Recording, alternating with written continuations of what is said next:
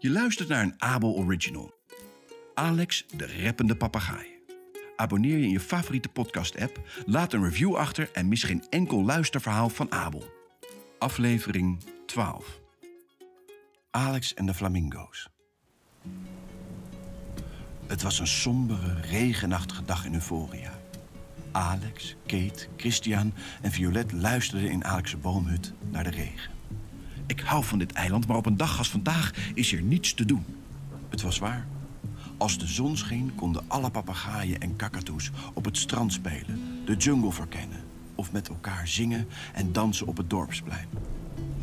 Maar als het regende, nou, dan was er helemaal niet zoveel te doen. Het enige wat de vier papegaaien konden bedenken was binnenzitten en luisteren naar het onweer in de verte. Ik wou dat we naar de zon konden vliegen. Wacht eens even, Alex. Dat is een geweldig idee. Waarom gaan we niet met z'n allen op vakantie? Ja, ik ken een heel mooi strand op een ander eiland. Niet zo ver van hier. Daar is het altijd heel lekker weer. Alex sprong meteen van de bank en vloog naar zijn kledingkast. Hij pakte zijn bloemetjes zwembroek, een badhanddoek en een grote zonnebril die hij meteen opzette. Nou, waar wachten we nog op? Toen iedereen klaar was met inpakken, vlogen Alex en zijn vrienden zo snel als ze konden onder de regenwolk door. Hoe verder ze van Euphoria vandaan vlogen, hoe zonniger de lucht werd. Al snel was het helder en warm. Terwijl de zon boven hen scheen en de zee beneden glinsterde, kwetterde Violet plotseling blij. Daar is het. Kijk, het is Harmonie-eiland. Alex kon zijn ogen niet geloven. Het eiland was precies zoals Violet het had omschreven. De zon scheen op het witte strand waar palmbomen groeiden en de blauwe zee golfde. Het rook naar kokosnoten, dankzij een kleine houten bar waar je verse kokosnootsap kon kopen. En op de rotsen langs het strand lagen allerlei vogels in rijen te zonnebaden.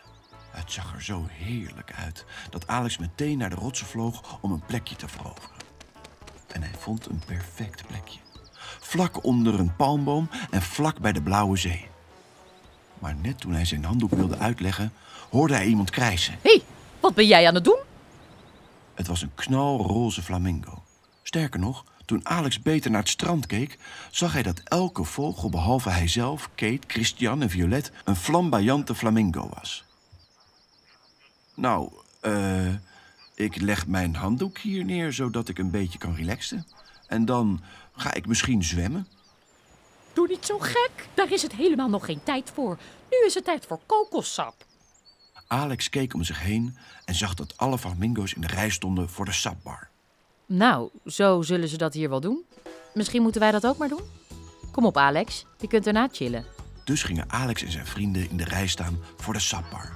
Eén voor één kregen de flamingo's een kokossapje en daarna gingen ze één voor één zitten in hun klapstoeltjes.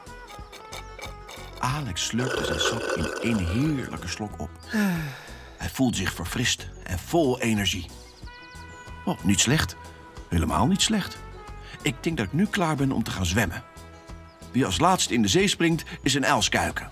Alex rende het zand over, recht naar de zee. Maar net voordat hij in de golven kon duiken, bleef er iets aan zijn zwembroek haken. Of. Alex draaide zich om en zag dezelfde flamingo van daarnet. Het is nog geen tijd om te zwemmen. En ja hoor, alle flamingo's zaten in hun stoel te relaxen, te zonnebaden en te lezen. Sterker nog, ze sloegen allemaal precies op hetzelfde moment de pagina's. Alex kon zijn ogen niet geloven. Eh, oké dan. Ik denk dat ik wel even kan uh, relaxen. Maar daarna gaan we zwemmen, toch? Natuurlijk. Als het tijd is om te zwemmen, gaan we allemaal zwemmen. En dus leunde Alex achterover in zijn leunstoel en genoot van het lekkere zonnetje. Hij luisterde naar het ritmische geluid van de bladzijdes die werden omgeslagen en wachtte tot het tijd was om te zwemmen. Het voelde alsof het een eeuwigheid duurde. Alex begon zich een beetje te vervelen. Gelukkig viel hij na een tijdje bijna in slaap. Maar net op het moment dat zijn ogen dichtvielen, schoot hij verbaasd overeind. Ah, het was het geluid van honderden flamingo's die allemaal tegelijkertijd opstonden. Alex sprong enthousiast op. Is het nu tijd om te zwemmen? De flamingo's vouwden allemaal netjes hun handen op, met dezelfde beweging op precies hetzelfde moment. Toen ze klaar waren, begon ze in één kaarsrechte rij naar de zee te lopen. Alex begon ongeduldig te worden. Oh, dit is allemaal veel te georganiseerd. Ik wil gewoon lol maken. Hij keek naar de flamingo's die samen op hetzelfde ritme bewogen, totdat hij er niet meer tegen kon. Alex' innerlijke rapper nam het over. We komen hier voor ons plezier, maar het moet allemaal op jullie manier. Zo vind ik er niks meer aan. Ik wil gewoon de zee ingaan. De flamingo's keken elkaar geschrokken aan. Ze vonden Alex' lied helemaal niet leuk. Flamingo's, kom maar met me mee. Laten we gaan spelen in de zee. Maar jullie regels zijn zo saai, dus luister naar deze papegaai. Doen jullie nooit eens wat anders dan wat iedereen doet? Nee, natuurlijk niet. Uh, waarom niet? Omdat zelf nadenken pas voor dinsdag op de planning staat. Je zou het eens moeten proberen. Ja, regels en schema's zijn soms geweldig, maar ja, het is ook oké om je hart te volgen en te doen wat je zelf wil doen. Maar het schema volgen is wat ik wil doen. Huh? Echt? Ja, En jij? Wat zou jij nu het liefste doen? ik denk dat ik het liefst het schema zou volgen op de seconde. En jij? Als je echt alles zou kunnen doen? Eh, wat er op de planning staat natuurlijk. We hebben het schema niet voor niets bedacht. Dat is gewoon hoe we het doen op Harmonie-eiland. Niemand wordt gedwongen om mee te doen. Als je echt je eigen ding wil doen, dan, dan is dat natuurlijk ook prima. Maar, Maar wat? Maar dan kunnen we al deze dingen niet samen met jullie doen. Alex voelde zich schuldig. Hij was zo gefocust op wat hij wilde doen dat hij geen rekening had gehouden met gevoelens van iemand anders. Nu besefte hij pas dat de flamingo's gewoon hun best deden om hen de beste vakantie ooit te geven. Eh, sorry allemaal. We hebben het heel erg naar onze zin hier, toch? Ja, zeker. Het is zo leuk hier.